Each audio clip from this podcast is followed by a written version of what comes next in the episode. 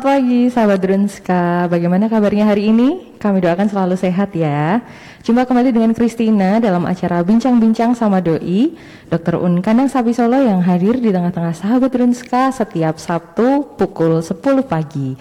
Disiarkan langsung dari ruang PKRS Rumah Sakit Dr. Un Kandang Sapi Solo, Bincang-Bincang sama Doi kali ini menghadirkan perbincangan seputar kesehatan yang inspiratif dan kaya akan informasi bagi sahabat Drunska sekeluarga yang disiarkan langsung dari YouTube at Drunska. Nah, sahabat Drunska, bulan September adalah bulan Alzheimer sedunia atau World Alzheimer Month yang merupakan sebuah kampanye internasional untuk meningkatkan kesadaran Alzheimer dan menantang stigma mengenai kondisi ini.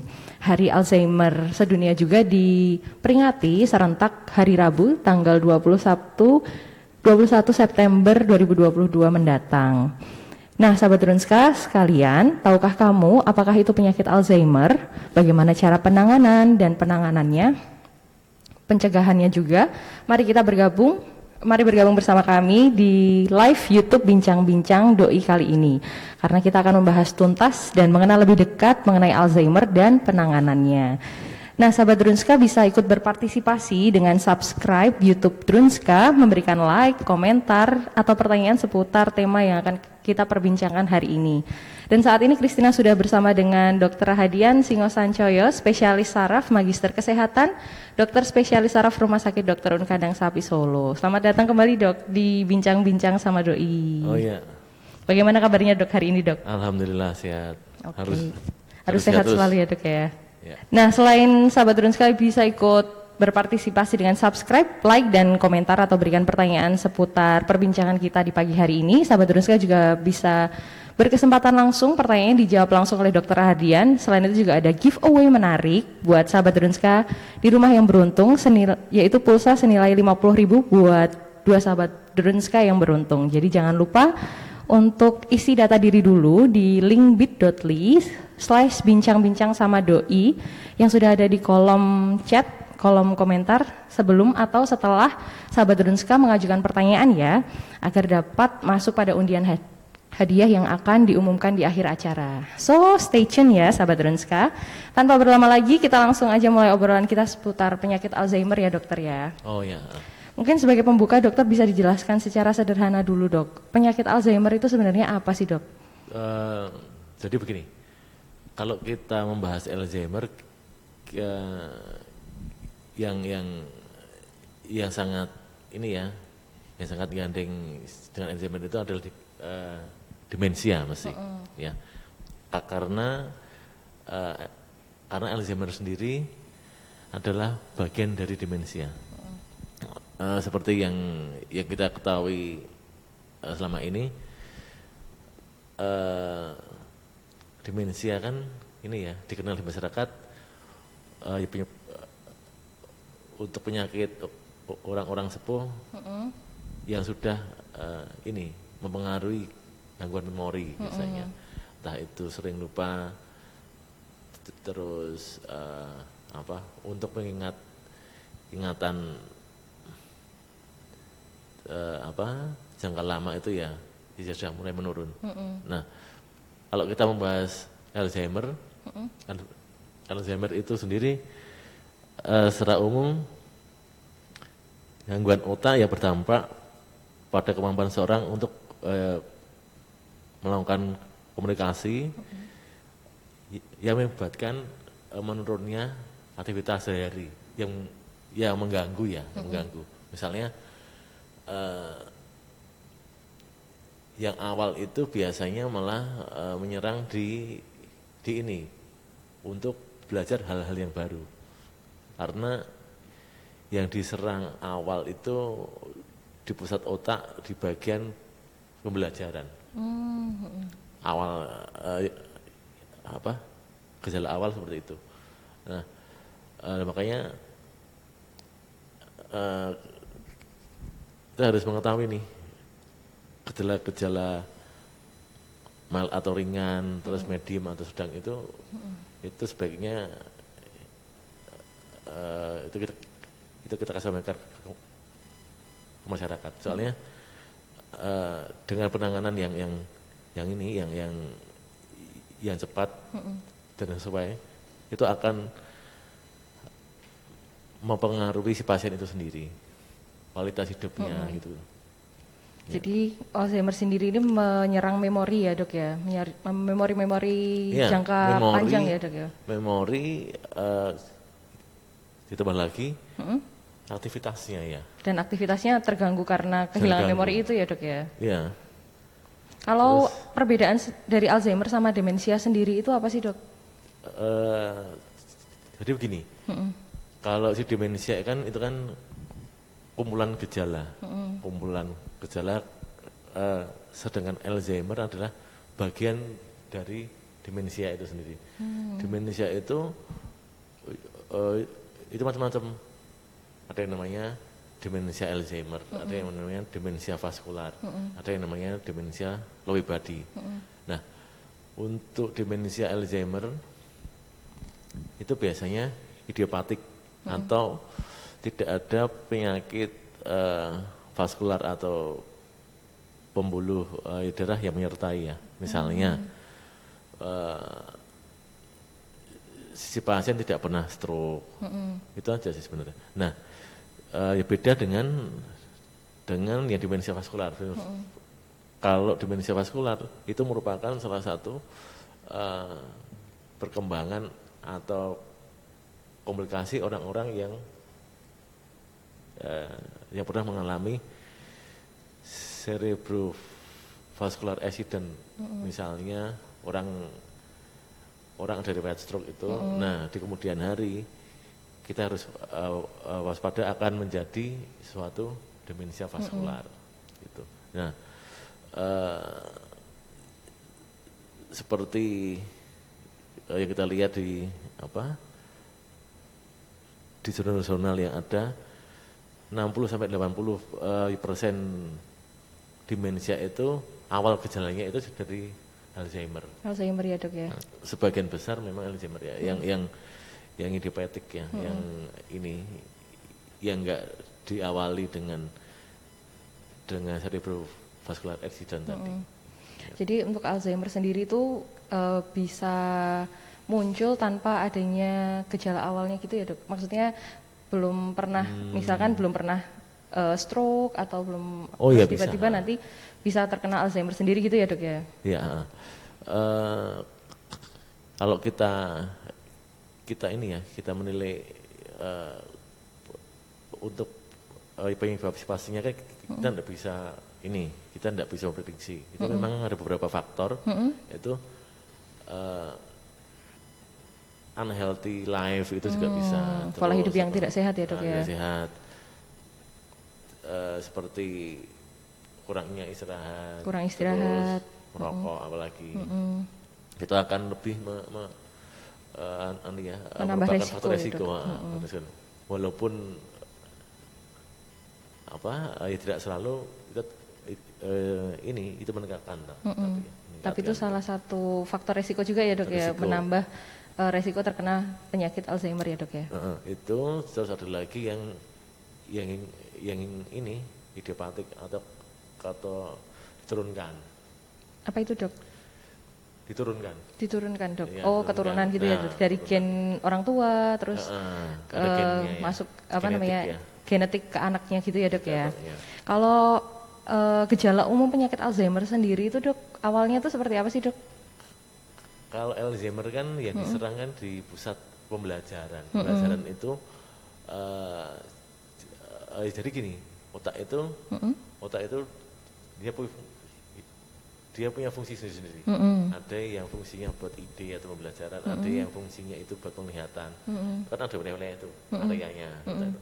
Terus ada yang untuk motorik dan sebagainya. Nah, awal eh, yang paling sering memang yang di yang yang apa yang melakukan yang mengalami kelainan itu di pusat pembelajaran. Nah, sehingga eh, yang muncul awal-awal untuk yang mild sign itu yang ringan itu ya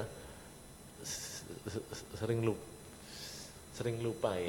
Sering lupa hal-hal yang kecil misalnya eh, lupa kalau sudah makan lupa mm, mem- menaruh apa namanya taruh barang gitu ya dok uh, barang.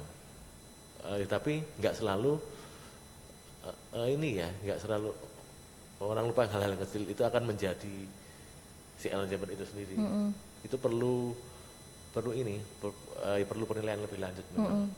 Ada beberapa ada beberapa pemeriksaan nantinya untuk untuk kita bisa menegakkan diagnosis Alzheimer itu sendiri. Oke dok, Eh, kalau itu tadi kan eh, penyakit Alzheimer itu kadang lupa taruh barang, kadang hal-hal yang baru saja kita temui terus udah lupa gitu ya dok ya.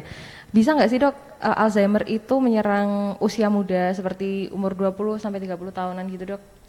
Oh sangat bisa. Sangat bisa ya dok? Saya punya pasien itu saya pernah punya pasien eh memang anu ya, memang prevalensinya itu un- untuk untuk orang-orang geriatri ya, Mm-mm, untuk yang, sudah sepuh gitu kan ya biasanya ya dok. Tapi memang eh, nggak bisa eh, Menutup kemungkinan ya dok. kemungkinan memang saya pernah ada itu eh, itu under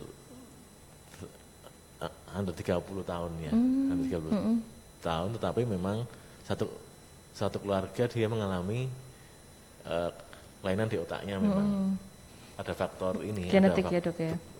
ada faktor keturunan waktu itu. Ya, eh, yang paling sering ya kalau usia muda memang ini ya, memang ada faktor idiopatiknya atau keturunannya. Mm-mm. Eh, gejala juga sama. Awal awal juga, juga sering eh, apa? eh, sering lupa. Nah, setelah itu kan dianggap biasa aja tuh. Mm-mm. Terus akumulasi akumulasi eh, ke saya itu sudah sudah se- sedang ya. Nah ya ya ya ya sebenarnya penyakit ini kan anu ya penyakit ini kan eh, nggak bisa sembuh ya. Hmm, Tapi kita kita harus bisa mengontrol eh, serta nanti kita ev- evas- evaluasi secara berkala. Itu Oh, gitu ya dok ya. Terkontrol yang pasti. Berarti Alzheimer sendiri ini adalah penyakit yang tidak bisa sembuh ya dok ya? Nggak bisa sembuh. Oke dok. Sampai saat ini. Sampai saat ini belum ada ada. obatnya ya dok ya? Obatnya belum ada. Lalu dok untuk seseorang yang usianya 20 sampai 30 tahun itu tadi dok dan yang mengalami penurunan daya ingat seperti kesulitan mengingat nama orang yang baru saja ia temui atau lupa taruh barang yang belum lama ia bawa, hal-hal itu nantinya apakah bisa mengarah ke Alzheimer dok? Nah, ini kita bedakan dulu, kita bedakan dulu. Lupanya ini karena apa? Lupanya bisa karena karena psikis atau karena ada stresor yang lain atau memang ka- karena hormonalnya yang yang yang, yang terganggu. Kalau kita lihat ini, kita lihat apa? Eh, kelainan-kelainan o- o- yang merusak otak kan itu masih eh, secara laboratorium kan sudah bisa kita tegakkan. Tapi kalau secara psikis, nah itu, eh, nah makanya eh, ini ada pemeriksaan-pemeriksaan eh, penunjang yang harus kita lakukan. Apakah itu emang benar-benar benar-benar suatu Alzheimer atau itu cuman psikis aja? Mm, karena stres mungkin ya dok ya bisa juga. itu ya? sangat bisa Eh, apa karena ada stresor yang berat. Mm-mm. Eh, apa terus mengurangi konsentrasi. Nah si dia dia akan sering lupa. Itu juga bisa. Itu juga sering itu. Itu yang sering malah usia-usia muda malah seperti itu. Mm-mm. Tapi untuk hal itu apakah bisa mengarah ke Alzheimer nantinya dok? Eh, enggak ada hubungannya itu ya. Mm-mm. Jadi eh, orang yang sering lupa eh, itu kan lupa disengaja sama saya. Mm-mm. Eh, ini eh, pe- penyebabnya kan karena misalnya eh, ada stresor. Mm-mm. Jadi selama ada stresor, si, si otak sendiri kan si dia masih bekerja secara normal sebenarnya. Entah itu secara anatomi, secara hormonal, dan secara electrical di- dia masih normal. Nah, makanya nggak selalu kok eh, ini misalnya ini ada anak mulai mulai seminggu ini kok sering lupa, lupa terus. eh, eh, padahal si kausanya atau ya penyebabnya dia sering lupa itu karena ada stresor dari sekolah, Mm-mm. misalnya seperti itu. Nah, eh, eh, misalnya itu nggak bisa nggak diobatin tiga bulan setahun ya ya tidak akan membuat dia menjadi Alzheimer Mm-mm. Kecuali kalau memang anatomi otaknya dia mengalami kelainan sendiri. Nah, Hmm. itu dia itunya nanti. Berarti belum tentu juga ya Belum, dok belum, ya belum hal itu bisa mengarah ke Masih Alzheimer. perlu ini ya, masih perlu eh, banyak pemer- pemeriksaan. Pemeriksaan lebih lanjut ya dok ya. Iya. Kalau Alzheimer sendiri, bagaimana cara mendeteksinya dok? Bagaimana cara mendeteksi Oh, iya. penyakit? Oh ini Alzheimer, oh ini bukan, gitu Oh, dok. eh, yang ini,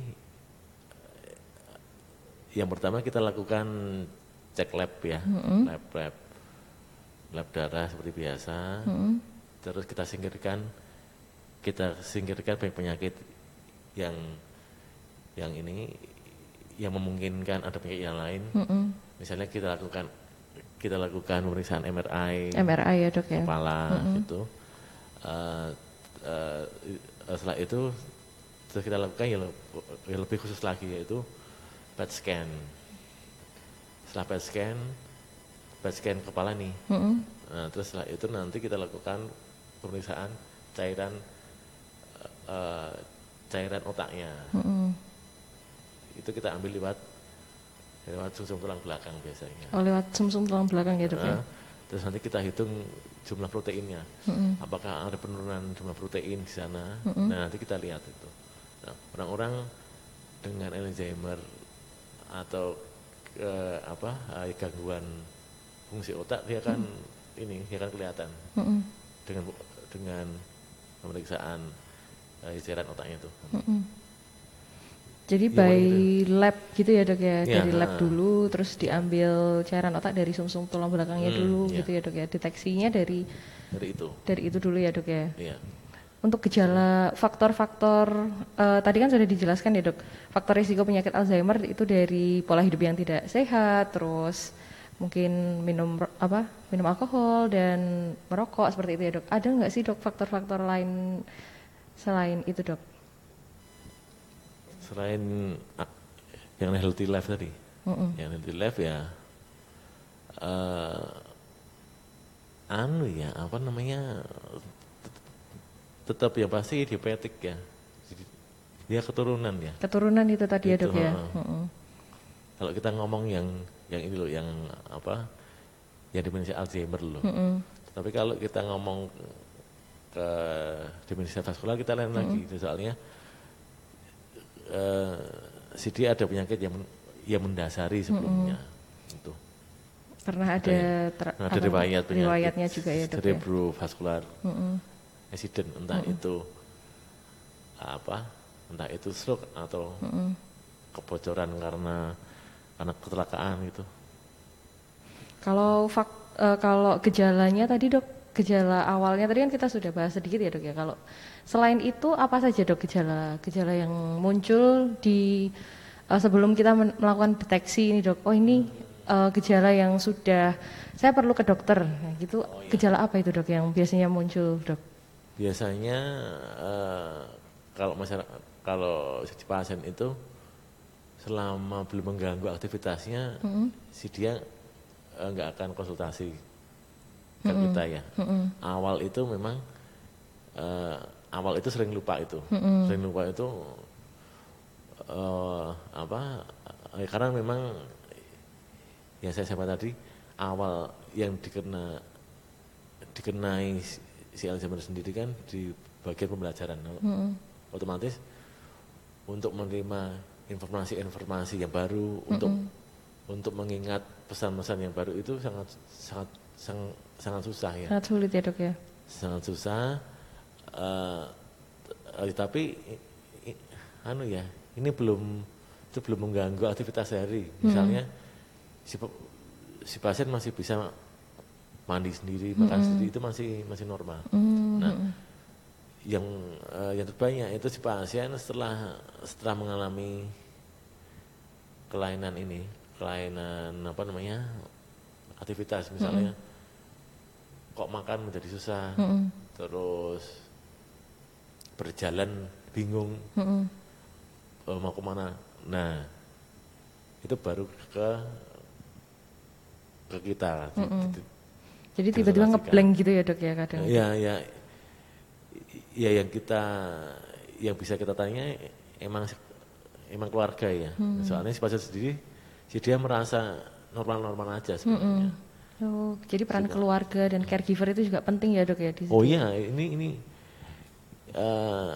i- eh, yang apa? Yang selalu saya tekankan untuk orang-orang de- dengan penyakit degeneratif atau neurodegeneratif ya. Mm-mm. Ka- ka- karena saraf karena penuaan ini eh, ya fungsi sel otak Mm-mm. itu kita harus melibatkan eh, lingkungan yang paling dekat kan kan keluarga ya Mm-mm. nah itu itu itu peran itu peran lingkungan itu sangat penting Mm-mm. untuk untuk membantu si pasien itu sendiri. Eh, eh, soalnya si pasien kan si dia merasa normal soalnya. Itu yang agak yang agak apa yang agak repot itu. itu. Mm-mm. Karena untuk pasien sendiri dia nggak tahu ya dok kalau dia lupa ya dok namanya Ya, orang lupa kan nggak inget ya dok Sebagian besar eh, enggak ini enggak tahu, nggak tahu ya dok enggak enggak merasa ya. Mm-mm. nggak merasa kalau dia Cuma begitu ya dok eh, cuma cuma si dia nanti akan menanyakan hal-hal yang sama terus. Hmm. Jadi misalnya eh, apa? Dia nanya, "Hmm, nanya ini hari ini eh, ini sudah makan atau belum? Sudah makan belum? Nah, gitu loh. Padahal si si dia itu udah, udah makan gitu. Mm-mm. Nah, makanya eh, eh, eh, eh, apa itu fungsi lingkungan itu untuk untuk ini ya, untuk menghandle hal-hal yang seperti itu nanti. Mm-mm. Ada slide-nya ya dok ya? Mungkin bisa Oh iya, yang apa ya? ditayangkan yang, ya yang- dok ya? Kalau ini apa namanya? Kalau orang-orang dengan nah dengan apa eh, ini di- dibedakan antara kondisi normal Mm-mm. dengan kondisi Alzheimer ya. Kalau eh, kalau yang di sebelah kiri itu eh, ini gambarannya nampak amyloid plaque yang yang yang menyeluruh ya. Kalau yang di mana? Di kanan? eh, ini kan normal nih. oh ya Kalau ini ini Al- eh, Alzheimer disease namanya. Nah ini plak-plaknya ini kelihatan nih, plak-plaknya ini. Nah di sini, nah amyloid plaque itu seperti ini nanti. tampak seperti plak gitu ya dok ya Hmm, tampak seperti plak. Nah sedangkan yang kita yang diserang Mm-mm. awal itu di daerah pembelajaran. Di Oh, memori sama di itu ya, daerah frontal ya. Kalau di bahasa, Mm-mm. di bahasa itu daerah daerah yang ungu itu ini jarang eh, apa? Ini prevalensinya jarang ya. Yang paling sering yang yang di daerah frontal atau di daerah memori. Mm-mm. Nah, kalau eh, ya gambar yang kanan eh, ya bawah ini, ini membandingkan eh, kondisi kondisi anatomi ya, kondisi anatomi untuk orang yang normal dengan eh, dengan dengan orang dengan Alzheimer. Nah, itu nampak eh, terjadi pengerutan Mm-mm. pengerutan masa otak dia. Ini lebih kecil gitu ya dok Dia ya kan eh, si dia akan mengalami atrofi ya. Atrofi itu peng, pe- pengecilan sel-sel otak. Nah, pengecilan makanya, sel-sel otak ya dok eh, makanya eh, ya fungsi-fungsinya kan ya Menurun, mulai Dok. terganggu juga Mm-mm, terganggu Untuk- juga ya dok untuk melakukan untuk melakukan aktivitas sehari-hari sudah terganggu. Ini kalau gejalanya ini saya kutip dari ini dari teman saya juga ini. Ini ya eh, apa gangguan gangguan memori ya, gangguan daya ingat, sulit melakukan kegiatan yang familiar seperti makan, terus apa eh, ganti pakaian, Hmm, itu sudah menga- Mengarah sudah ke- mengalami mulai mengalami kesulitan. mm-mm. Kesulitan itu bisa bisa kesulitan secara motorik, motorik itu memakainya Mm-mm. atau ini lupa apa naruhnya si pakaian itu sendiri. Hmm, Itu oh, itu. Nah, ini kesulitan memahami visual eh, spasial ini juga ada terus menaruh eh, ya barang itu itu penerimaan nah, terus mulai introvert dia mulai introvert ya dok. dia yang yang yang yang yang biasanya kok dia sering sering bersosialisasi kalau sekarang dia lebih lebih introvert itu itu juga awal-awal ini ya awal-awal sign-nya ya awal-awal Tanda-tandanya ya dok ya. terus ada perubahan perilaku terus sulit fokus sulit fokus uh, uh, misalnya apa diajak ngomong atau mengeluarkan pendapat itu itu agak susah Mm-mm. Mengelu- mengeluarkan suatu ide gitu dia agak dia- Kesulitan ya, Dok, ya? kecenderungannya dia lebih pasif ya Hmm, mm-mm. jadi eh, tidak informatif Mm-mm. Makanya begitu Oke dok. terus heeh. Untuk eh, Alzheimer sendiri ini dok, berarti kan ada berbagai gejalanya ya dok ya awalnya ya dok ya. Bagaimana cara mencegah untuk eh, agar tidak terkena Alzheimer dok? Ada cara pencegahannya gitu enggak dok? oh iya heeh. Eh, yang pasti semua eh, enggak anu ya Mm-mm. Tidak hanya buat Alzheimer ya Mm-mm. tapi semua semua penyakit kita eh, itu bisa kita bisa bisa kita ini ya bisa kita cegah itu dengan cara apa nah yang paling mendasar dengan healthy life itu Healthy life ya sendiri ya. Mm-mm. olahraga yang teratur istirahat yang cukup Mm-mm. terus eh, kalau eh, lebih ke mengerucut ke penyakit yang menyangkut eh, ini apa eh, vaskular ya hindari makanan-makanan yang berlemak Mm-mm. terus hindari rokok itu Hindari makanan berlemak, hindari rokok, jaga tetap pola hidupnya tetap sehat ya dok ya. terus olahraga yang sangat penting ya Olahraga juga sangat penting ya dok ya. teratur loh Mm-mm. bukan eh, eh, sekarang kan eh, eh, yang banyak itu olahraga olahraga ini ya olahraga yang ngoyo ya misalnya sehari lari eh, 50 kilo 50 kilo ya dok ya. tapi ini Mm-mm. eh, jarang-jarang dia itu kalau eh, eh, ngepas ada event Mm-mm. sebulan sekali lah kan yang penting kan eh, repeatly-nya Rutinnya itu ya dok Atau, ya. eh, si rutinnya itu Mm-mm. Eh, s- sebenarnya kita jalan santai 45 menit aja itu sudah cukup Mm-mm. Yang penting olahraganya itu rutin ya dok, bukan Harusnya yang rutin. sekali tapi langsung berat gitu ya dok ya. Ya, jangan tiap hari juga. Eh, Apa? eh, soalnya kan si otot itu itu perlu waktu untuk istirahat. J- Jangan jangan kita forusir setiap hari kita olahraga itu. Itu juga nggak disarankan juga. Jadi apakah lebih baik dok kalau misalkan sehari olahraga, sehari enggak, Nah. sehari olahraga lagi, sehari enggak. Jadi, ada Jadi- jedanya gitu ya dok ya. Jadi exercise atau latihan itu kan Mm-mm. kan ada latihan muscle atau latihan latihan otot Mm-mm. eh, dan eh, ya, eh, ini ya kardio ya. Kardio ya dok ya. Nah, kalau kepengennya itu setiap hari olahraga ya, ya kita selang-seling itu aja. Mm-mm. Hari ini kita kardio, terus Besok eh, muscle, besok muscle, besoknya kardio lagi, besoknya masal. Jadi enggak apa namanya?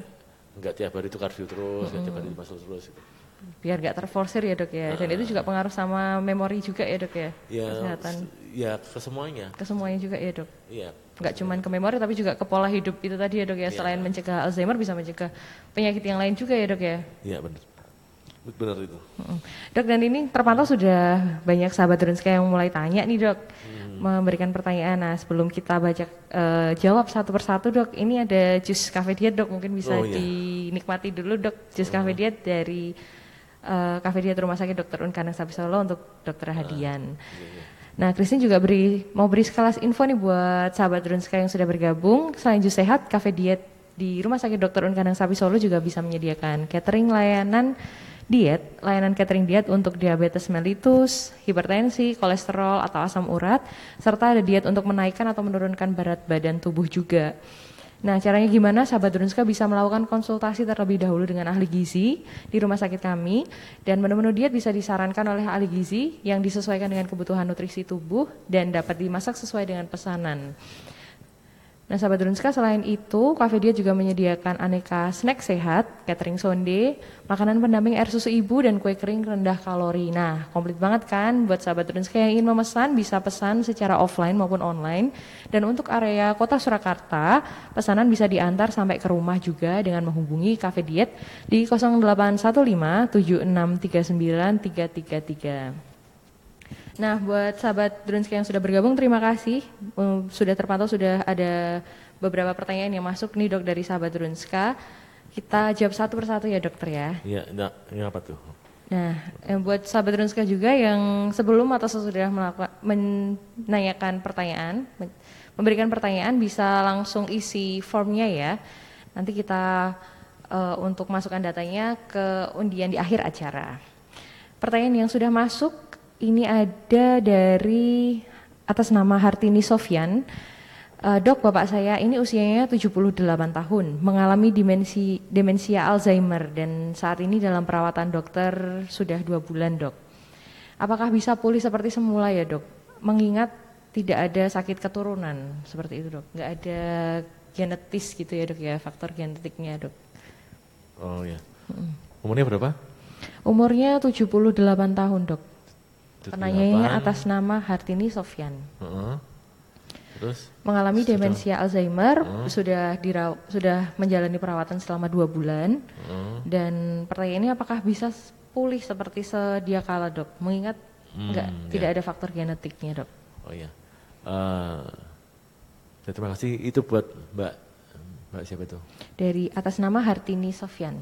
Oh iya, Mbak Hartini ya. -huh. uh, itu gini Mbak Hartini nanti awal itu itu memang uh, itu harus kita pastikan dulu mm -hmm. untuk diagnostiknya minimal kita lakukan uh, eh, MRI kepala dulu ya mm -hmm. untuk me menyingkirkan hal-hal kemungkinan lain mm -hmm. misalnya ada gangguan anatomi mm otak yang lain itu itu sebaiknya kita singkirkan dulu mm uh, sehingga kita uh, sehingga kita bisa lebih spesifik spesifik untuk ini ya, untuk menegakkan diagnostik. Hmm. Apakah dia suatu suatu demensia atau uh, si dia ada penyakit lain, hmm. si beliaunya, hmm. bapak itu. Nah, kalau kita ngomong masalah kesembuhan itu, uh, itu macam-macam ya. Kesembuhan itu kan bisa kembali seperti semula hmm. atau terkontrol. Hmm terkontrol itu dia tidak memburuk atau memburuknya uh, gradualnya itu dia pelan-pelan mm -hmm. atau uncontrol ya uncontrol mm -hmm. itu ya ya porsinya dia akan semakin cepat mm -hmm. cepat sekali eh, penurunannya kalau kalau ditanyakan ini apakah bisa sembuh nah sampai saat ini memang itu di apa di penelitian sampai saat ini ya ya belum bisa belum sembuhnya ada, itu belum bisa. Belum ada obat yang ditemukan juga ya dok ya untuk uh, menyembuhkan cuman, Alzheimer. Uh, apa? Cuman kita bisa melakukan kontrol ya. Mm -mm. Kontrol supaya si keadaan itu itu tidak semakin menurun mm -mm. atau semakin memburuk. Mm -mm. Itu nah makanya uh, uh, yang paling mendasar itu kita lakukan diagnostik dulu. Mm -hmm. Diagnostik kita benar-benar kita yakinkan mm -hmm. sehingga langkah-langkah yang kita ambil itu mm -hmm. itu nanti bisa benar. entah itu secara medikamentosa atau dengan obat mm -hmm. atau dengan dengan pokok uh, apa perlakuan mm -hmm. ke beliaunya itu nanti mm -hmm. ke si pasien itu sendiri itu aja mungkin baik dok uh, untuk Alzheimer uh, seseorang yang terkena Alzheimer sendiri dok perawatan seperti apa sih dok yang uh, dijalani oleh pasien itu sendiri dok nantinya kalau perawatan mm -hmm. uh, itu ada dua ya yang yang apa uh, yang mendasar itu uh, latihan atau exercise fisik mm -hmm. dengan dengan otak. Mm. Fisik itu ya mm. ya melakukan aktivitas terus senam kecil uh, seperti apa uh, ya biasa itu relaksasi otot mm -hmm. dan sebagainya. Kalau otak itu minimal si pasien itu kita kita, kita lebih sering untuk diajak uh, komunikasi. Diajak komunikasi ya dok ya? Komunikasi. Semakin uh, si pasien sering apa sering uh, interaksi mm -hmm. dengan orang lain, mm -hmm. dan nanti uh, penyusutan sel-sel otaknya itu akan akan semakin lambat nanti. Mm -hmm. Nah, yang kita harapkan kan memang uh, penurunannya kan lambat ya, syukur-syukur mm -hmm sudah stabil segitu. Mm -hmm. uh, uh, kita cuma bisa memaksimalkan sel-sel sel-sel sisa yang ada, mm -hmm. dimaksimalkan fungsinya, namanya. Mm -hmm. Jadi uh, uh, secara fisikly memang dengan exercise uh, apa uh, relaksasi otot mm -hmm. dan itu kalau secara main secara pemikiran ya ya ajak ngobrol tiap hari semakin mm -hmm. sering semakin bagus sebenarnya. semakin sering semakin bagus sosialisasi itu apa yang harus dilakukan seorang caregiver dok terhadap uh, saat uh, menangani pasien demensia dok maksudnya kan kalau di rumah sakit kan ada dokter tapi saat di rumah apa yang perlu treatment apa yang harus dilakukan seseorang yang menangani pasien itu dok di rumah dok oh iya kalau sekarang kan uh, anu ya uh, mungkin karena kesibukan mm -mm. kesibukan keluarga ya dengan keluarga terus uh, apa si teman-teman jadi rumah itu nggak bisa menghandle mm -mm. menghandle si pasien dengan sendiri kan uh, menggunakan si beliau ini mm -mm. si caregiver ini nah si caregiver ini itu sangat uh, berperan penting sebenarnya uh, ya karena uh, setiap hari yang berinteraksi si beliaunya. Mm -hmm. Nah nanti uh, tapi harus harus ini ya. Yang kita pikirkan itu uh, tidak hanya kesehatan kesehatan uh, fisik sama sama anatomi mm -hmm. di otaknya. Uh, tapi uh, kesehatan uh, psikisnya harus kita pikirkan mm -hmm. juga. Ya uh, apa uh, ya, kehadiran orang-orang atau anggota keluarga itu itu juga sangat membantu sebenarnya. Hmm. Untuk memperlambat memperlambat uh, Alzheimer itu ya dok ya. Iya, soalnya kan hormon yang dikeluarkan kan hmm. uh, hormon nek kita seneng kan hormonnya kan yang yang ini ya, yang apa? Endorfin ya dok. Uh, yang yang yang yang berguna semua hmm. gitu maksudnya, yang yang membuat kita lebih sehat. Hmm. Hati yang gembira itu obat yang manjur ya dok. Ya? Nah itu. nah, makanya uh, apa? Uh, selain uh, selain si beliau si keluarga itu mm -hmm. Itu sangat penting ya dok. Sangat ya? penting. Selain terapi juga dari terapi. Uh, ahlinya kehadiran keluarga di rumah dan juga kasih sayang yang diberikan nah, kepada itu. seorang yang terkena Alzheimer ini juga sangat penting ya dok ya sangat, sangat, memperlambat sangat penyakit Alzheimer ini sendiri yeah, ya dok ya. Yeah. Kalau dari uh, dari rumah sakit dok, dari kesehatannya sendiri dok, selain terapi yang harus dijalani apa saja ya dok selain uh, itu dok? Selain selain fisioterapi, mm -hmm. selain fisioterapi fisik ya kita lakukan pengobatan ya. Mm -hmm. Obat-obat yang kita berikan itu memang uh, itu emang uh, sesuai yang yang sudah sesuai dengan uh, dengan penelitian semua mm -hmm.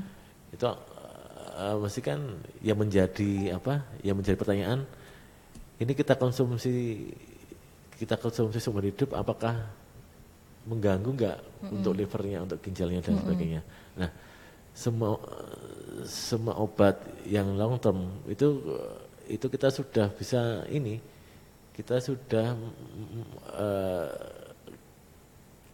uh, memfilter ya memfilter mm -hmm. mana yang yang mengganggu mana yang enggak nah, makanya mm -hmm. selain selain uh, pengobatan rutin mm -hmm. nanti pengecekan lab rutin itu kita lakukan mm -hmm. untuk deteksi lebih lanjut ya dok ya fungsinya apa fungsinya ada kontrol setiap bulan mm -hmm. setiap minggu itu kita untuk me, me, me, uh, ya mengontrol organ mengontrol mm -hmm oh, perjalanan supaya mm -hmm. itu sampai seberapa. Mm -hmm. Kita lakukan cek lab, mm -hmm. Lab fungsi ginjal, lab fungsi liver itu kita lakukan uh, rutin nanti. Mm -hmm. Ya minimal setiap enam bulan sekali kita lakukan. Setiap enam bulan sekali ya dok ya? Ha, setiap enam bulan nanti.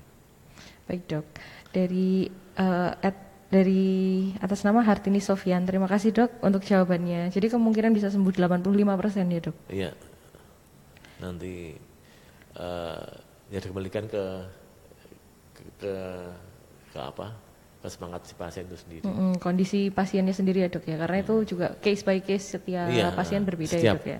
Uh, itu setiap orang responnya berbeda-beda ya dok ya. Berbeda-beda nanti. Baik, terima kasih Bu Hartini uh, untuk pertanyaan yang sudah disampaikan kepada kami. Pertanyaan selanjutnya dari atas nama Wina Asri. Assalamualaikum Dokter Hadian, saya kontrol rutin dengan Dokter Hadian. Saya penyintas autoimun dengan SLE. SLE uh, ya? SLE ya dok ya. ya. Uh, saya sering terkena brain fog parah dok. Apa beda Alzheimer dengan brain fog dok. Oh brain fog. Mm -mm. Apa bedanya Alzheimer dengan brain fog dok? Ini Mbak Bina ini ini emang rutin ini. Rutin ya dok ya, periksa sama dokter Adian ya dok. Salam Mbak Bina. Ya, ini sangat beda ya, mm -mm. sangat beda. Jadi orang-orang dengan penyakit autoimun itu itu orang-orang yang unik ya, mm -mm. karena yang unik uh, ya, perlu, uh, ya perlakuannya juga unik juga. Mm -mm. Maksudnya uh, gejala yang yang di, yang ditimbulkan orang per orang itu juga juga beda-beda. Mm -hmm. Orang dengan SLE, orang dengan dengan mesennya uh, ya, uh, ya mesennya Davis ada lagi. Mm -hmm. Itu uh, respon tubuh gejala yang ditimbulkan itu juga mm uh, anu ya, itu juga beda-beda juga. Mm. Setiap si pasien dengan penyakit yang sama itu belum tentu mengalami gejala yang sama. Mm. Itu maksudnya ya sub, itu benar-benar subjektif lah makanya mm uh, kalau orang-orang dengan autoimun mm -hmm. disorder mm -hmm. uh, ada kelainan dengan autoimun itu itu saya mesti meng, uh, menggandeng dengan dengan teman-teman ahli mm -hmm yang lain juga mm-hmm.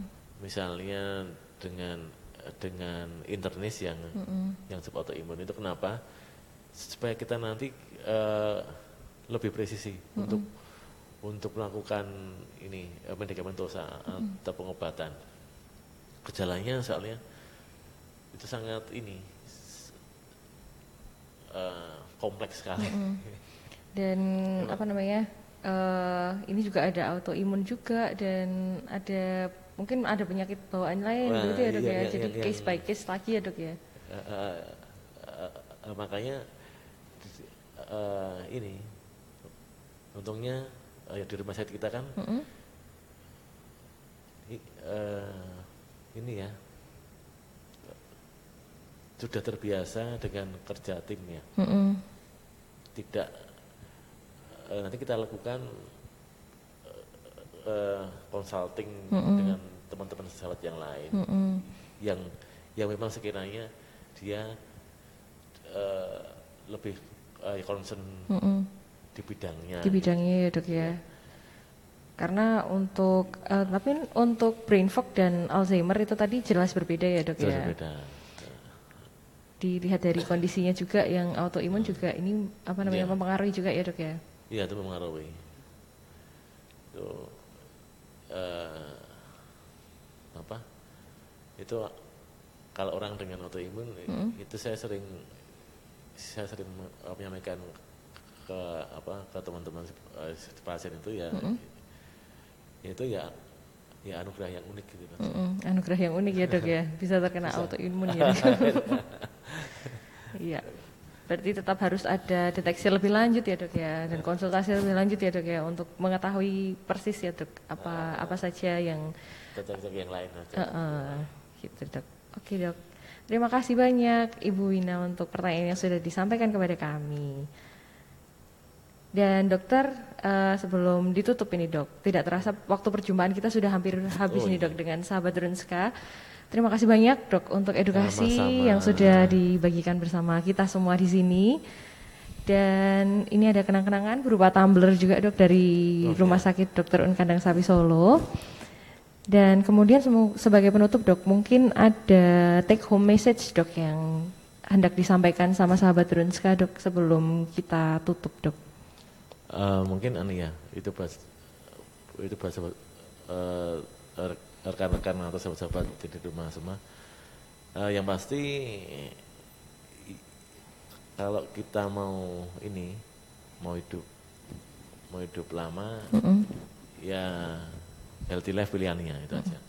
Kalau pan- ingin panjang umur, healthy life dan hati yang gembira itu tadi ya dok ya. ya yang gembira itu bonus nanti. Hati yang gembira itu bonus ya dok setelah, Setelah healthy life. Setelah healthy life ya dok betul betul. Jadi kalau ingin panjang umur harus healthy life ya dok ya. Iya, Menjaga pasti. pola hidupnya tetap sehat. Siap, terima kasih banyak Dokter. Hadian untuk informasi dan edukasi seputar Alzheimer dan seputar kesehatan untuk kita semua. sama-sama Dan terima kasih juga buat sahabat Runska yang sudah setia mengikuti dari awal hingga akhir. Berikut ada dua penanya beruntuk yang be- berhasil mendapatkan hadiah pulsa sebesar 50.000. Kami ucapkan selamat.